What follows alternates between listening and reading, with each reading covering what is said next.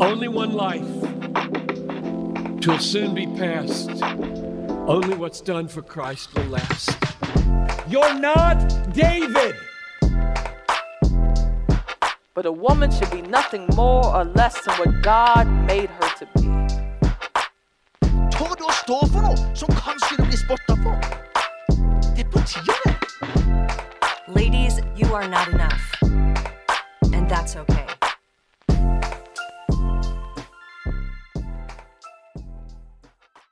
Hei og velkommen til Sarapodden, en podkast av jente for jente som tar opp sentrale tema om eh, det kristne livet.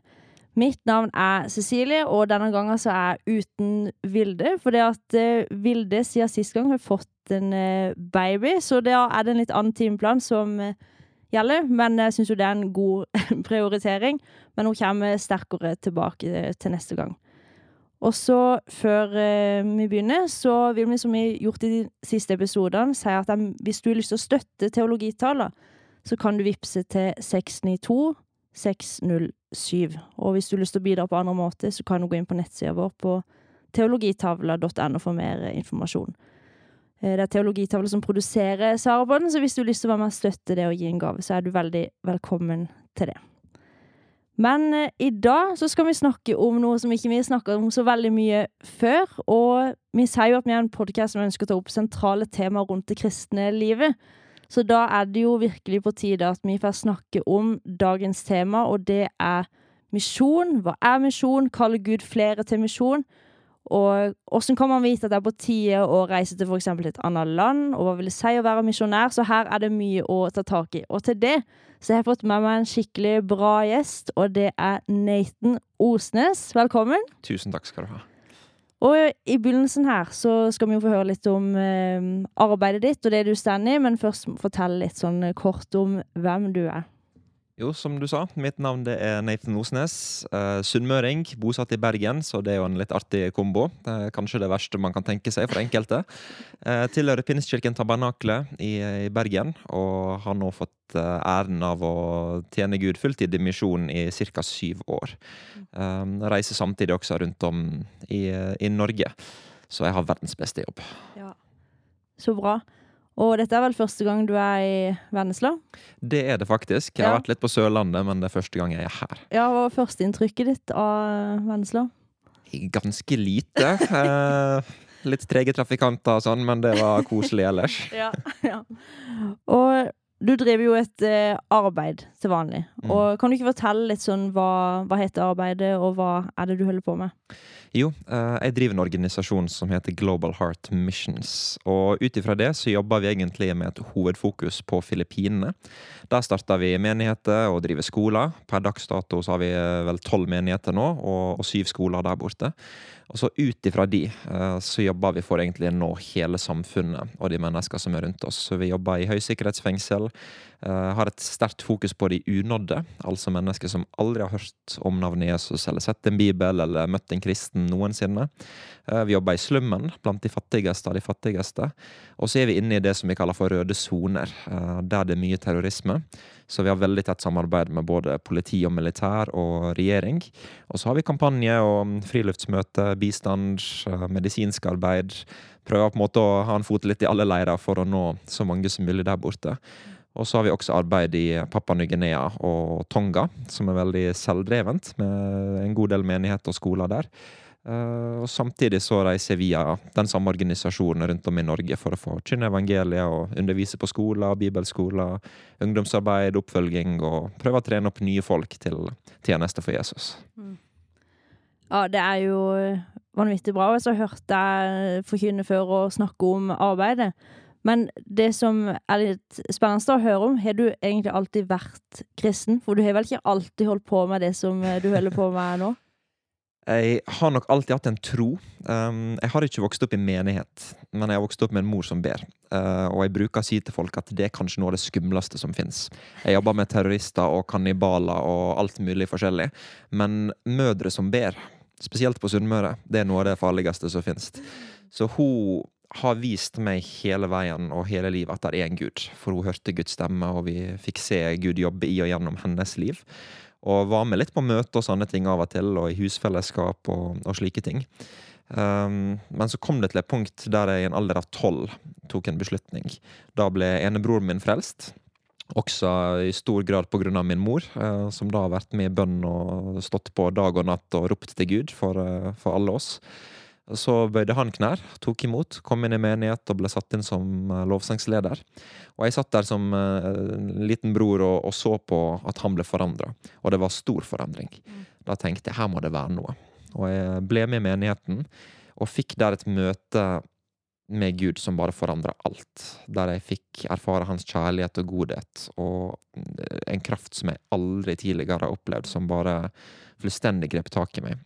For første gang følte jeg meg virkelig elska og sett på dypet. Uh, og tok allerede da en beslutning om hva slags liv jeg hadde lyst til å leve. Um, så det var da jeg tok et valg at jeg skal følge Jesus. Og så har jo det vært en interessant vei etter det med både oppturer nedturer og mange veivalg som skal tas. Men uh, Gud har vært trofast. Ja. Så fint. Og, men åssen har veien vært inn fra Altså, du fikk et møte med Gud. Og hva var veien fra det og så videre inn i misjon? Var det noe du begynte veldig raskt å kjenne på, at du skulle reise? Eller åssen var det? Ja, jeg kjente på det egentlig med en gang da. Um, og egentlig til og med barndommen fra jeg var liten av, så kan jeg huske at jeg, jeg drømte på en måte om å gjøre noe mer. At jeg hadde lyst til å gjøre en forskjell. Og ikke fordi at jeg var så, følte jeg hadde så mye å komme med, eller noe sånt, for jeg var en ekstremt sjenert type som ikke kunne snakke med slektninger engang. Um, jeg hadde lyst til å hjelpe andre mennesker. Uh, for jeg opplevde litt smerte og, mobbing og mye mørke på mange måter som satte et preg i livet mitt, som gjorde at jeg hadde ingen selvtillit og sånne ting. Eh, men jeg fikk et møte med Jesus, og da kom inn i menighet og hørte rapporter fra misjonærer og fra misjonsfeltet, og så bilder og så de mennesker som ble, ble rørt av Gud, folk som ble helbreda og satt fri og frelst, og folk som ble totalt forandra, så husker jeg at jeg satt og så på det, og så begynte jeg å be. Hver dag fra jeg var tolv for gjennom hele tenåra. Gud, send meg ut koste hva det koste vil. Til de fattige, til de søndagknuste, til de som ingenting har, til de ingen andre vil gå til. Og det var bare en sånn bønn som vokste sterkere og sterkere på innsiden av meg. Og jeg kunne tatt folk til plasser på Sunnmøre i dag der de sikkert har sittet i timevis og timevis og grått ut og ropt ut og sagt 'Gud, send meg'. Og jeg tror, tror, at Gud skjønte at det var ingenting annet som frista for min del. Det var ingen annen vei. Det var ingen annen jobb eller yrke eller noe som frista. Det var bare å få tjene han og leve for han. Mm. Ikke for å bli sett eller bygge en organisasjon, eller noe sånt, men for å bygge hans rike. Mm. Og se at folk skulle bli frelst og helbreda og få møte Jesus. Mm. Hm. Men åssen visste du at det var For nå er du jo mye i Filippinene. Åssen visste du at Hvorfor ble det akkurat det landet? For når man sitter med sånn et kall, så kan det bli sånn hele verden, hvor skal jeg reise? Men åssen ble det akkurat det landet? Hadde vel egentlig aldri sett for meg at det skulle være Filippinene. Eh, mange av mine troshelter og de liva som jeg studerte, det var folk som jobba i Afrika og styrte på der. Så jeg har alltid vært veldig fascinert av afrikansk lovsang og på en måte elska kulturen der og mennesket derifra. Så jeg trodde alltid at det var dit jeg skulle. Eh, hadde en plan om det, eh, og dører åpna seg og slike ting. Men uh, gjennom egentlig ganske mange tilfeldigheter, eller gudfeldigheter, med å være på rett plass til rett tid, så ble jeg kjent med folk her og der. Um, og så ble jeg kjent med noen herlige folk fra Helsinki i Finland når jeg var i USA. Så det er en sånn veldig artig rute. Uh, som inviterte meg til å være med på en teamtur til Filippinene. Uh, for å besøke et misjonsarbeid som de var med å støtte. Og Da skulle vi bare bort og ha en konferanse og dele litt og vitne og på en måte se og få oppleve menighetslivet der borte og, og det arbeidet som de støtta. Um, og når de spurte om jeg ville dra, så var det bare noe på innsiden av meg som ropte ja. Uh, og jeg skjønte ikke hvorfor. Det var ikke et land jeg hadde egentlig tenkt på. Uh, kjente jo til det, så klart, og broren min hadde vært der tidligere, men uh, gjennom noen helt andre koblinger. Men jeg kjente jeg skulle dra, og jeg dro. Gud fiksa alt økonomisk og forsørga og endte opp der. Og så når jeg befant meg der borte i 2016, så var jeg, jeg ble helt knust. Mm. Og hjertet ble helt ødelagt på en god måte. Mm. For alt jeg hadde bedt om, det var rundt meg. Jeg hadde bedt Gud send meg til de foreldreløse, til de sønderknuste. Send meg til de fattigste av de fattigste. Send meg til de ingen andre vil gå til. Og plutselig sto vi i jungelen, eh, blant unådde folkegrupper. eh, blant mennesker som er helt ødelagt. Fikk møte så mange hjerteskjærende livshistorier. og fikk holde barn i hendene som aldri har opplevd kjærlighet eller omsorg før. Og jeg var, jeg var helt ødelagt, og jeg bare gråt og gråt hver eneste kveld når jeg var på, på rommet der jeg skulle sove. Og når jeg skulle dra derifra, så Det er noe av det verste jeg har vært med på, å skulle dra hjem igjen til Norge. Um, for da følte jeg at en stor del av hjertet mitt det var der borte. Og da sa jeg til Gud her må jeg bort igjen. Så et par-tre måneder etterpå så var jeg der igjen og besøkte samarbeidet og begynte å danne koblinger med de lokale. Eh, og så har det bare blitt sånn. Det, det har vokst, og Gud har vært i det. Og så er det uh, andre dører som åpner seg i andre land og sånne ting, men, uh, men Gud får lede. For jeg kjenner jo et hjerte for ikke bare Filippinene, men spesielt for unådde, og for de som aldri har hørt om Jesus. eh, at det er viktig å nå de. Var det første gang du reiste på misjonstur? Var det til Filippinene, eller har du hatt litt andre turer på forskjellige steder tidligere? Tidligere jeg gikk bibelskole i USA, eh, så vi var litt rundt om der. Eh, og så hadde jeg tidligere vært eh, litt rundt om i Europa. I Nederland og Belgia og England og, Finland. Så jeg hadde på en måte erfaringer derifra. Men det er jo helt annerledes enn å være i bushen og i jungelen. eh, på mange måter. Det er ulike måter å formidle på og tale på. Ulike folkegrupper og kultur og, og full pakke. Um, så erfaringen, den var på egentlig nivå null på, på mange måter. Men eh, jeg tror hjertet var der, i hvert fall for folket. Selv om jeg ikke visste veien, ikke visste hva jeg skulle gjøre, så visste jeg at det her er folk som trenger Jesus. Og så lurer jeg på, åssen var det fra Du har sikkert hatt litt forventninger når du skal reise ned, eller reise ned til Filippinene, og så lurer man jo på hva, hva møter meg.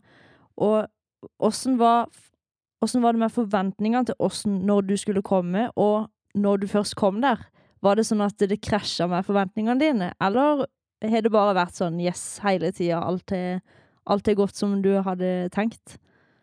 I starten så visste jeg vel egentlig ikke hva jeg skulle forvente. Jeg hadde ingen peiling. Jeg visste ikke hva jeg hadde sagt ja til. Jeg visste bare jeg skulle dra. Um, så, da kom jeg egentlig med et veldig åpent sinn og et åpent hjerte og tenkte at nå skal jeg forkynne evangeliet, og kjente at hjertet mitt brant for de fortapte. Um, så, så da visste jeg ikke helt hva jeg skulle forvente, og da ble alt en litt sånn overraskende opplevelse med den åpenheten som jeg møtte, med de mennesker som bare venta på å få høre gode nyheter, venta på å høre om Jesus. Um, så jeg ble helt satt ut, egentlig. Um, og husker at jeg, jeg har tenkt mange ganger, både da og ettertid, hvorfor er det ikke flere som drar? Når det er så mange mennesker som venter på å høre evangeliet. Og nå når jeg reiser ut sånn på de turene som jeg har der, så tenker jeg alltid hver gang Gud, jeg lurer på hva du har planlagt nå. For vi har alltid mange planer og ting vi skal gjøre, og jeg vet det kommer til å bli himla bra, bokstavelig talt, og det er så mye godt som skjer. Men Gud kommer alltid og gjør et eller annet eh, som bare overrasker meg. Som, eh, der han bare viser sin trofasthet og hans godhet. og ikke sant? Du kan aldri planlegge på forhånd hvem som skal bli frelst og helbreda og få møte Jesus. Eh, men han har en plan, og plutselig så sitter man der og får se så sterke ting. Enkelt og greit fordi at Gud er trofast. Og det er derfor som Eller vi har hatt lyst til å snakke om misjon, for jeg tror at misjon handler jo litt om å forstå Guds hjerte. Og hvis man leser i Gamle testamentet, for eksempel, der du ser om altså, alle stammer, alle tunge, alle folk, alle folkeslag, og dette er jo en del av Guds frelsesplan, som vi får lov til å leve i nå. At Jesus ga faktisk sitt liv for at folk fra alle folkeslag skulle kunne bli frelst, skulle kunne få eh, ta del i han, da. Og det var jo det de første kristne gjorde. De ga jo sitt liv for at mennesker skulle eh, få høre. Og jeg tror det er bra hvis vi snakker litt om hva vi mener når vi snakker om eh, misjon. For nå snakker vi om deg som eh, du er misjonær. Du er reist til et helt annet land.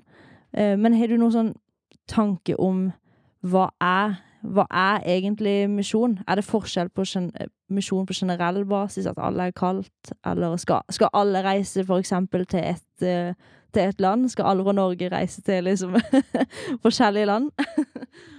Vel, jeg er av den overbevisning at alle er kalt til å være på, med på misjon. eh, I den forstand at alle er kalt til å være med på å ta evangeliet om Guds rike, om Guds godhet, ut til alle mennesker. Eh, men det er klart det er nok ikke alle som er kalt til å leve i det fulltid. Eh, Gud trenger folk overalt, og alt er like viktig. Men alle er kalt til å skinne for Han, og stråle for Han, og peke på Han. Så i den forstand at misjon handler om å ta Guds hjerte ut til en knust og mørk og syndig verden, ja, det er alle kalt til. Og så tror jeg at de aller fleste, og kanskje alle, hadde hatt godt av å kunne dra på en misjonstur.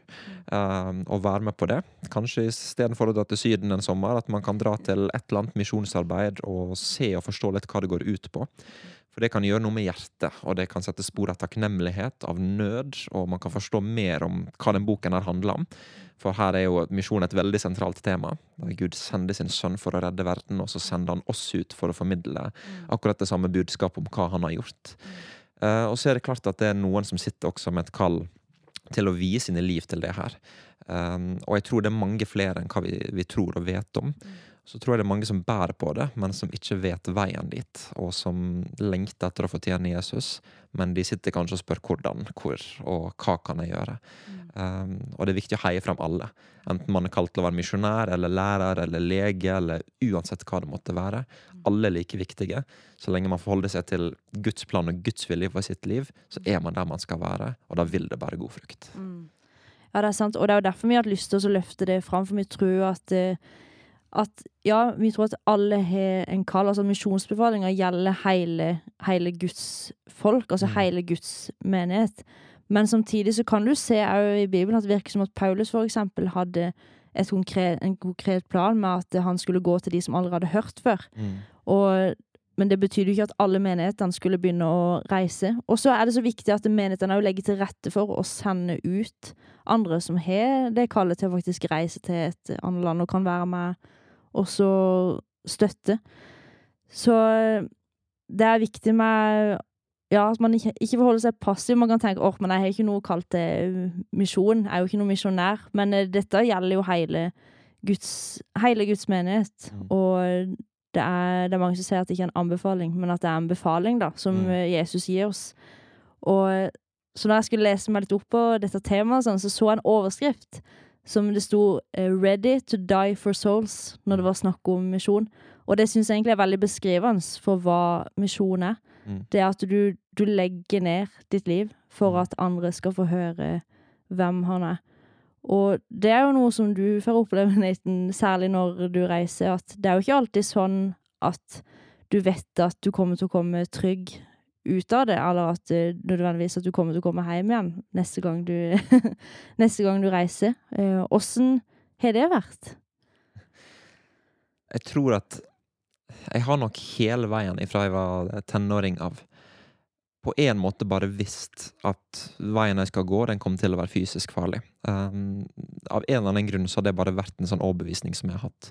Jeg har på ingen måte søkt det, eh, eller på en måte lengta etter det, for man ønsker ikke å stå der med våpen retta på seg og ha folk etter seg. Det kan se kult ut på en film, men det er noe helt annet i virkeligheten. Um, men der vi jobber, så er det farlig. Der er terrorister. Vi jobber i et område med en terrorgruppe med rundt 20 000 aktive terrorister. Eh, jeg skulle vært død mange ganger. Flere ganger enn jeg klarer å huske. Der jeg har hatt eh, våpen retta mot meg, jeg har blitt forsøkt steina, og terrorister som står klar med bombe og planlagt bakholdsangrep når vi skal komme inn i landsbyer. Og sånne ting har skjedd gang på gang på gang. Så hver gang jeg reiser ut, så reiser jeg med den innstillingen at det her kan være det siste jeg gjør. Og det er jeg forberedt på. Og så sier jeg til folk at enten så dør jeg og drar hjem til Jesus, ikke så veldig ille. Ellers overlever jeg og kan fortsette å forkynne evangeliet. Det er en vinn-vinn-situasjon. Og uansett så kan ikke de mennesker som er der ute, ta mitt liv, for det tilhører ikke de. De kan endre adressen min og sende meg hjem, men jeg tilhører Jesus. Jeg vet hvor jeg skal. Og så stoler jeg på at så lenge jeg forholder meg i hans vilje og gjør det som han sier til meg, og også stopper når han sier stopp, eller tar en annen vei når han sier det, for det er mange ganger vi har måttet endre på ting og stoppa fra gjort noe fordi at vi har opplevd en advarsel, eller at militæret har sagt fra at nå er det helt krise her, og sånne ting. Um, men så lenge jeg forholder meg til Guds vilje, så tenker jeg der er godt å være, selv om det skulle innebære fysisk fare. Så misjonen, det kan koste. Uh, Noen plasser er jo tryggere enn andre, men eh, når folk er med meg, så er det første jeg spør om, det er om de er villige til å dø for evangeliet. Er svaret nei, så er det ikke forberedt. Uh, Fordi at det er så reelt at noe kan skje. Eh, hver gang jeg drar ut, så tenker jeg det her kan være det siste jeg gjør. Så jeg er forberedt på det. Eh, man har måttet planlagt det praktiske rundt det. Hvem tar arbeidet videre hvis noe skjer? Hvis jeg blir kidnappa eller mister livet, hva, hvordan ser det ut? Så alt det ligger på en måte på plass sånn praktisk hvis noe skulle skje. Og det er jo rare valg å ta. Det er rare Ja. samtaler å ha med mennesker. Nå når jeg hadde med en fra, fra Bergen i april, um, så måtte jeg liksom planlegge og snakke med han at hvis terroristene kommer, så bare overgir jeg meg. Uh, og jeg på en måte gir meg over til det, det som de vil, om de vil kidnappe eller hva de vil. Og så må du bare gå fri. Da må du bare legge deg flat og si at du er en fattig student, og gå derifra, liksom. Og det er rare samtaler å ha, men det er realiteten. Uh, og det er klart det er ikke alle plasser det er sånn, men noen plasser så er det farlig. Og folk spør hvorfor går du? Eh, noen sier jo ikke dra, og har prøvd å stoppe meg. Men hjertet brenner for det. Guds hjerte brenner for det. Og der som vi jobber, er det ingen andre som jobber. Og når jeg da har muligheten, og dørene er åpne, og Gud har sagt gå, så hadde jeg vært definisjonen av en egoist. Hvis jeg hadde tenkt på min sikkerhet mer enn sjelers frelse. Eh, Så da kunne jeg ikke mm, egentlig ha kalt meg en misjonær i, i mine øyne på den måten. For Gud har sagt gå. Og det fantastiske med det, det er at når Gud sier gå, Ja. så går han med. Ja. Og det er det som er så fint, for du har jo opplevd Guds ledelse når det har vært sånne situasjoner. Det er ikke sånn at du bare reiser der, og så slipper Guden når en er Mm. midt i de situasjonene. Åssen har du opplevd at Gud har grepet inn da, når det har vært sånn, kanskje noen kritiske situasjoner? Først og fremst så har Gud åpna en helt fantastisk dør på Filippinene, der vi jobber hånd i hånd med spesialstyrkene. Så vi har jo de beste samarbeidspartnerne man kan ønske seg i et sånt område. eh, Der de kom til oss og spurte om å jobbe sammen. For de så at arbeidet førte til fred. Det førte til terrorister som har blitt frelst og lagt ned sine våpen, som har overgitt seg. Eh, Så vi har sett eh, at Gud har vært med på den måten. Og militæret de har jo godt innblikk i hva som skjer. Det er droneovervåkning, det er helikopter som flyr over hodet på oss. Og før vi skal gå ned et sted, så drar de inn en dag i forveien, eller en uke i forveien. Og så er de der. De prøver å sikre området. Sjekke at det ikke er veibomber og terrorister som planlegger ting. Etter beste evne. Det er ikke alltid det er mulig å kontrollere fullt og helt. Så vi jobber med de. Eh, Så er det ganger de sier at når dere skal reise inn dit, så må dere ta en annen vei enn det dere har planlagt pga. sikkerheten. Men så har vi opplevd ting som at eh, pastorene våre kan ha fått en drøm.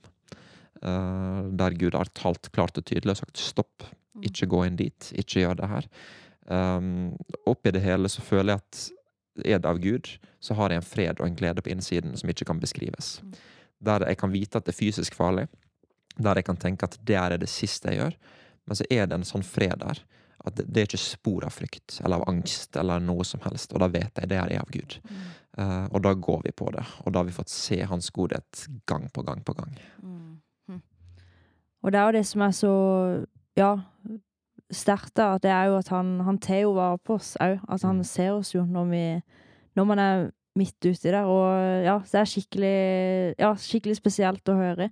Og, men hva er det du ikke gjør der når du ikke er der nede? For det kan jo høres ut som at er du ikke bare på flukt når du ikke er der? Men hva er det? Er det hjelpearbeid? Er det forkynne ikke evangeliet? Altså, hva er det som Hvordan ser det ut når du reiser på misjon?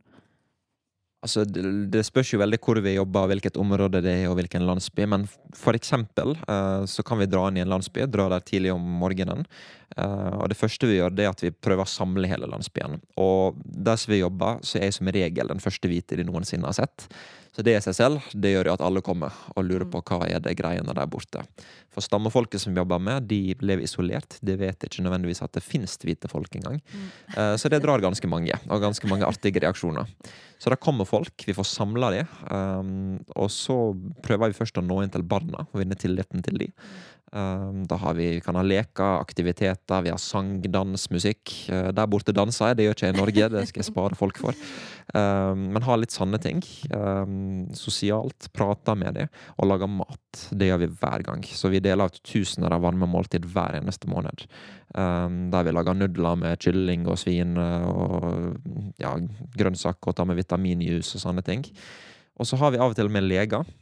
Og da vi, eh, gir vi dem legehjelp, for i de områdene så dør jo folk av grunnleggende ting. De kan få et sår og få en infeksjon og dø av noe som kunne vært fiksa med litt sprit og en bandasje. Eh, Så vi kan jobbe med legeteam, tannlegeteam, eh, sånne ting. Men vi sørger alltid for at alle får høre evangeliet. Um, har vi legeteam, forkynner vi gjerne én til én til alle. Om det så er tusen stykker i løpet av en dag, så får alle høre evangeliet. Alle får forbønn. Um, har vi matutdelinger og sånne ting, så samler vi sammen hele landsbyen. Da har vi lovsang, glad lovsang, der alle står og danser med. Og det er artig å se stammefolket som kanskje hører en sang for første gang, som prøver å synge med. Um, og så forkynner vi evangeliet til dem, klart og tydelig enkelt, uh, men direkte, og ber for dem. Vi ber for syke. Bruker tid sammen med dem. Og jeg liker å være et sted litt over tid, og gjerne etablere et arbeid. Og få satt inn lokaler som kan drive det. For vi tror ikke på å gjøre konvertitter, vi tror på å gjøre disipler.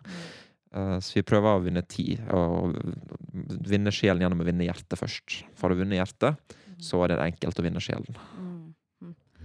For det er jo en viktig ting når man er på misjon, det å Ja, kunne skjønne seg på kulturen, det å Mm. lære seg språket, og ja, for å vi kunne vinne de òg, da. Og det virker jo som at Paulus òg, da, når han snakker om når han skal vinne folk, at det er viktig for han å Når han sier at for jødene vært som en jøde, og for de som var under loven, lærer som var under loven, for å vinne de.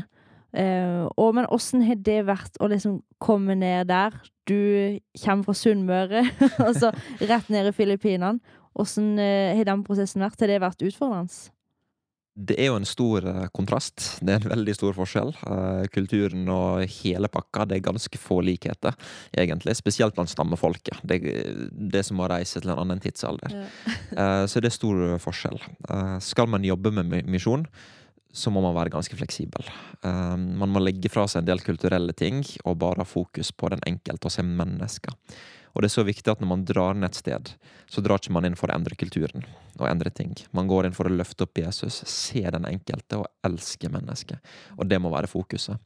Og går evangeliet inn og går inn til hjertet, så vil kulturen endre seg. Og det har vi sett i mange landsbyer, der de har hatt salg av kvinner på markedet og mye vold og sånne ting. Så går ikke vi inn for å forbanne mørket, men vi går inn for å skinne, og da forsvinner mørket.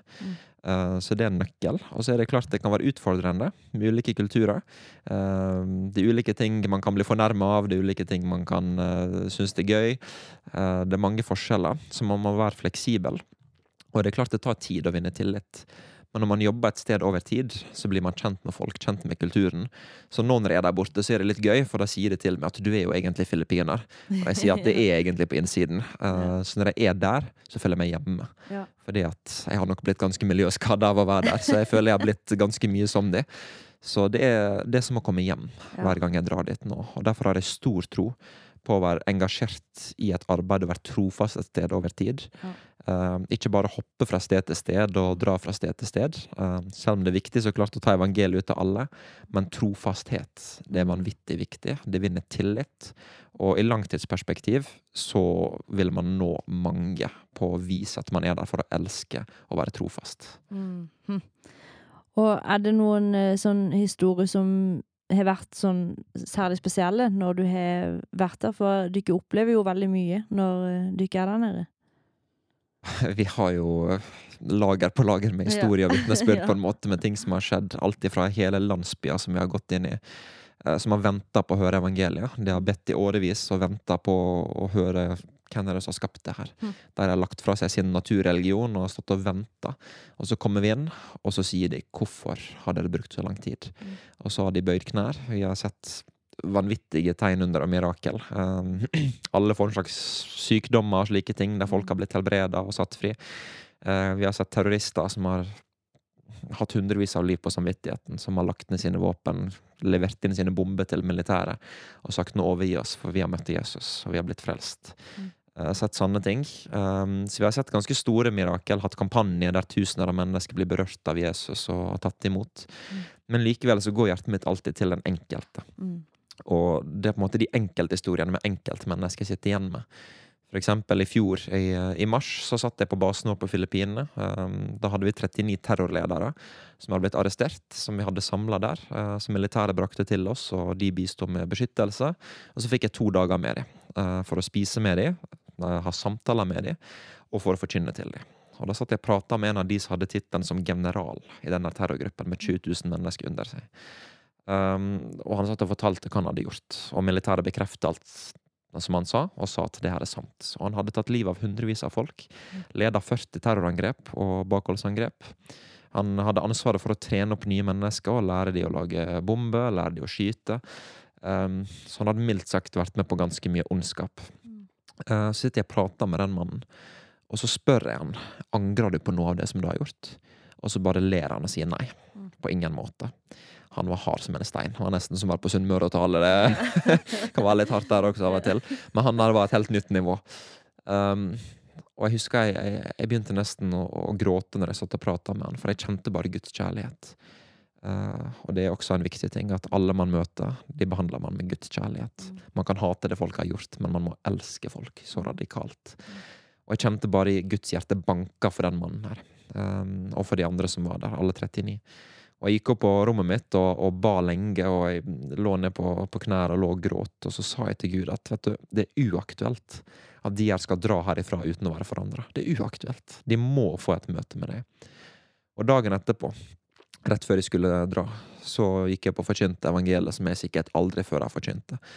Og det er jo 39 folk som hadde drept meg hvis de hadde muligheten. Sant? Som uh, oss og ikke vil ha noe med oss å gjøre og er ute etter oss.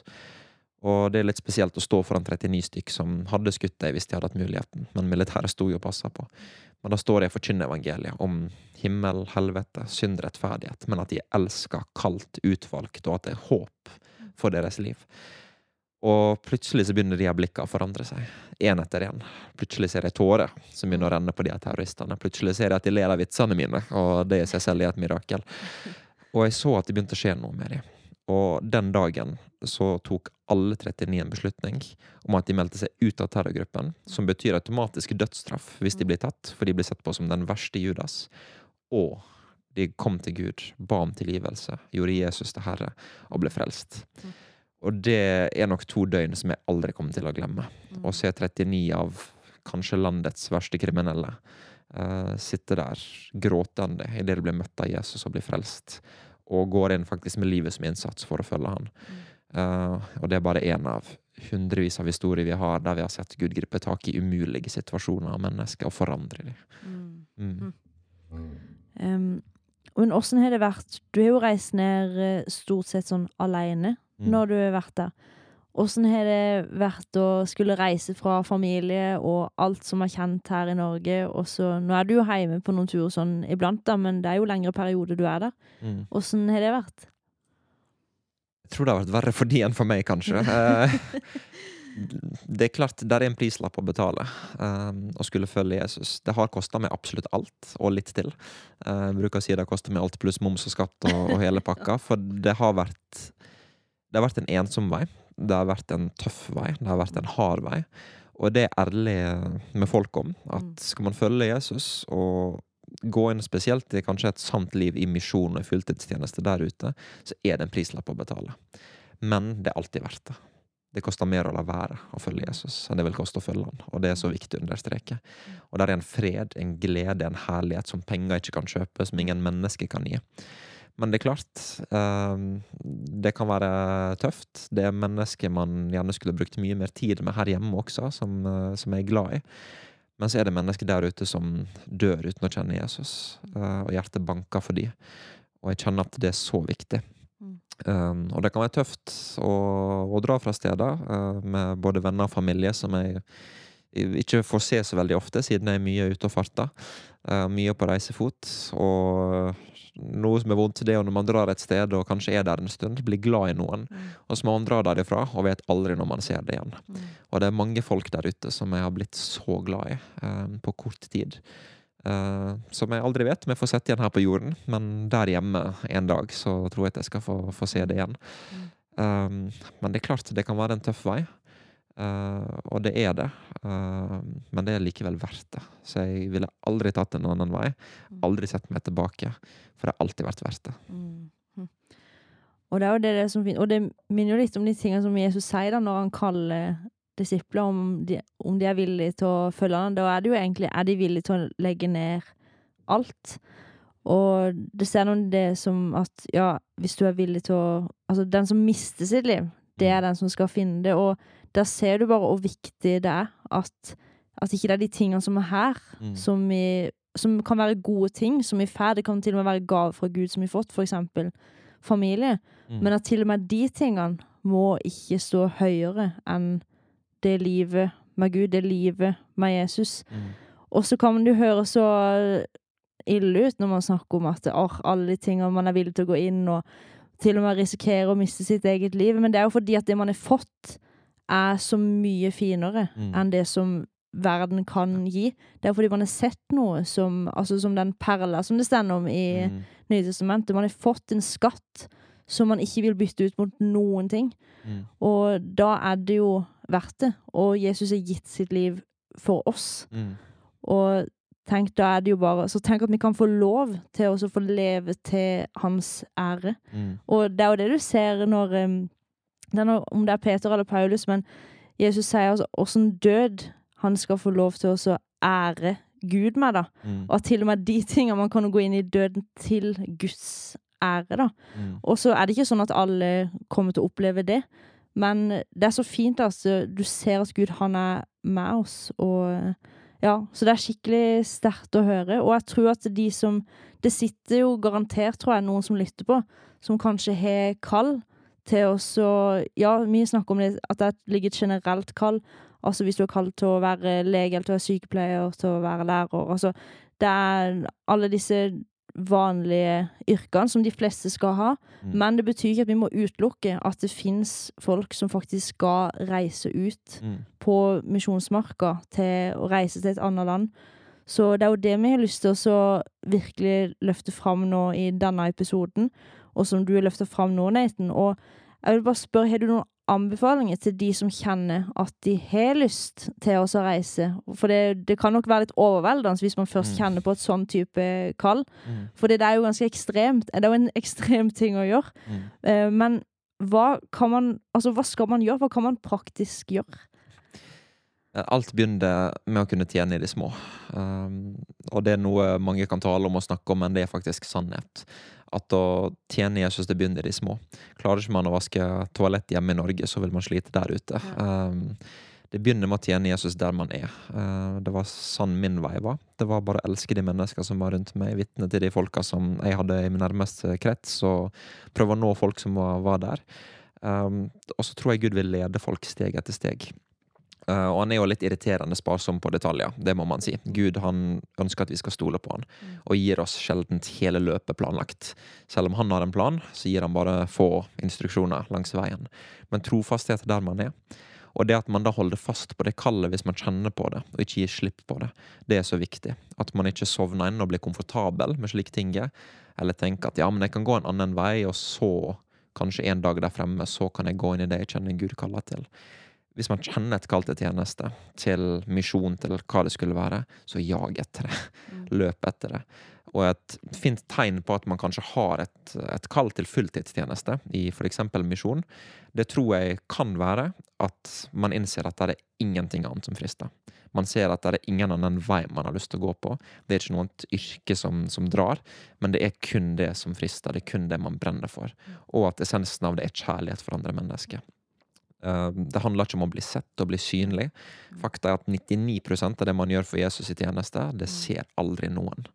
Uh, man hører de sterke vitnesbyrdene og, de kraftfulle mirakler og helbredelsene, men man må være innstilt på å kunne lide, på å kunne tjene i det skjulte, på å elske og så, uh, og gjøre ting som få andre mennesker er villige til å gjøre. Men er man villig, er man litt sprø, så kommer man veldig langt med de to tinga. Og så er det klart det er mye praktisk oppi det her. Man kan uh, spørre menigheten om det er mulighet for å dra ut på misjonsturer gjennom noen i menigheten, eller gjennom en bevegelse, hvis man tilhører pinsbevegelsen og, og sånne ting. Uh, jeg har jo tatt med meg noen fra Bergen nå, kommer til å ta med folk litt sånn regelmessig. Men siden der vi jobber er det jo litt farlig, så er det ikke hvem som helst jeg, jeg kan ta med. eh, Pga. det praktiske og sikkerhet og, og, sånne ting. Men det er så mange muligheter for å reise ut. Man har ungdom i oppdrag og mange ulike knallbra organisasjoner eh, som trener opp folk og, og sender ut mennesker. Eh, så mulighetene er mange. Og jeg tenker at man må bare gå på det. Og så kan man prøve. og så oppi det hele også huske på at det handler ikke om strev eller å skulle imponere Gud eller noe som helst. Og, og det er så vanvittig viktig at identiteten til enhver person ikke ligger i det man gjør. At det ikke ligger i tjeneste. Jeg er ikke misjonær eller evangelist eller forkynner, først og fremst. Jeg er først og fremst en sønn. Jeg tilhører han. Han er min far. Eh, det er min identitet. Og derfor kan jeg få lov til å hvile i det. Jeg kan få lov til å kjenne han og bruke tid med han. Uh, og huske på at Gud er god oppi det hele. Selv om Herrens ærend det er hast, som man bruker å si, så er det tid for hvile. Det er tid for vennskap. Det er tid for å, å være alene og søke han. Og det er kanskje der det også begynner, og det er der jeg tror kall blir født. Og man kan oppleve at Gud taler konkrete ting. Det er på lønnkammeret, der man søker Gud alene. Mine sterkeste møter har ikke vært på misjonsfeltet. Det har vært bak lukka dører, der ingen har vært til stede. Der Gud har talt, lagt ting på mitt hjerte, vist meg ting, vist meg veien, og, og, og talt til hvordan jeg skal gjøre ting, og hva jeg skal gjøre. Og så må man huske på at det er ikke alltid folk vil forstå det. Det er ikke alle som vil heie. Eh, For min del hadde jeg veldig få en periode som egentlig sto heia og støtta. I dag så har Gud velsigna meg rikelig med gode relasjoner, folk som er glad i meg og som heier.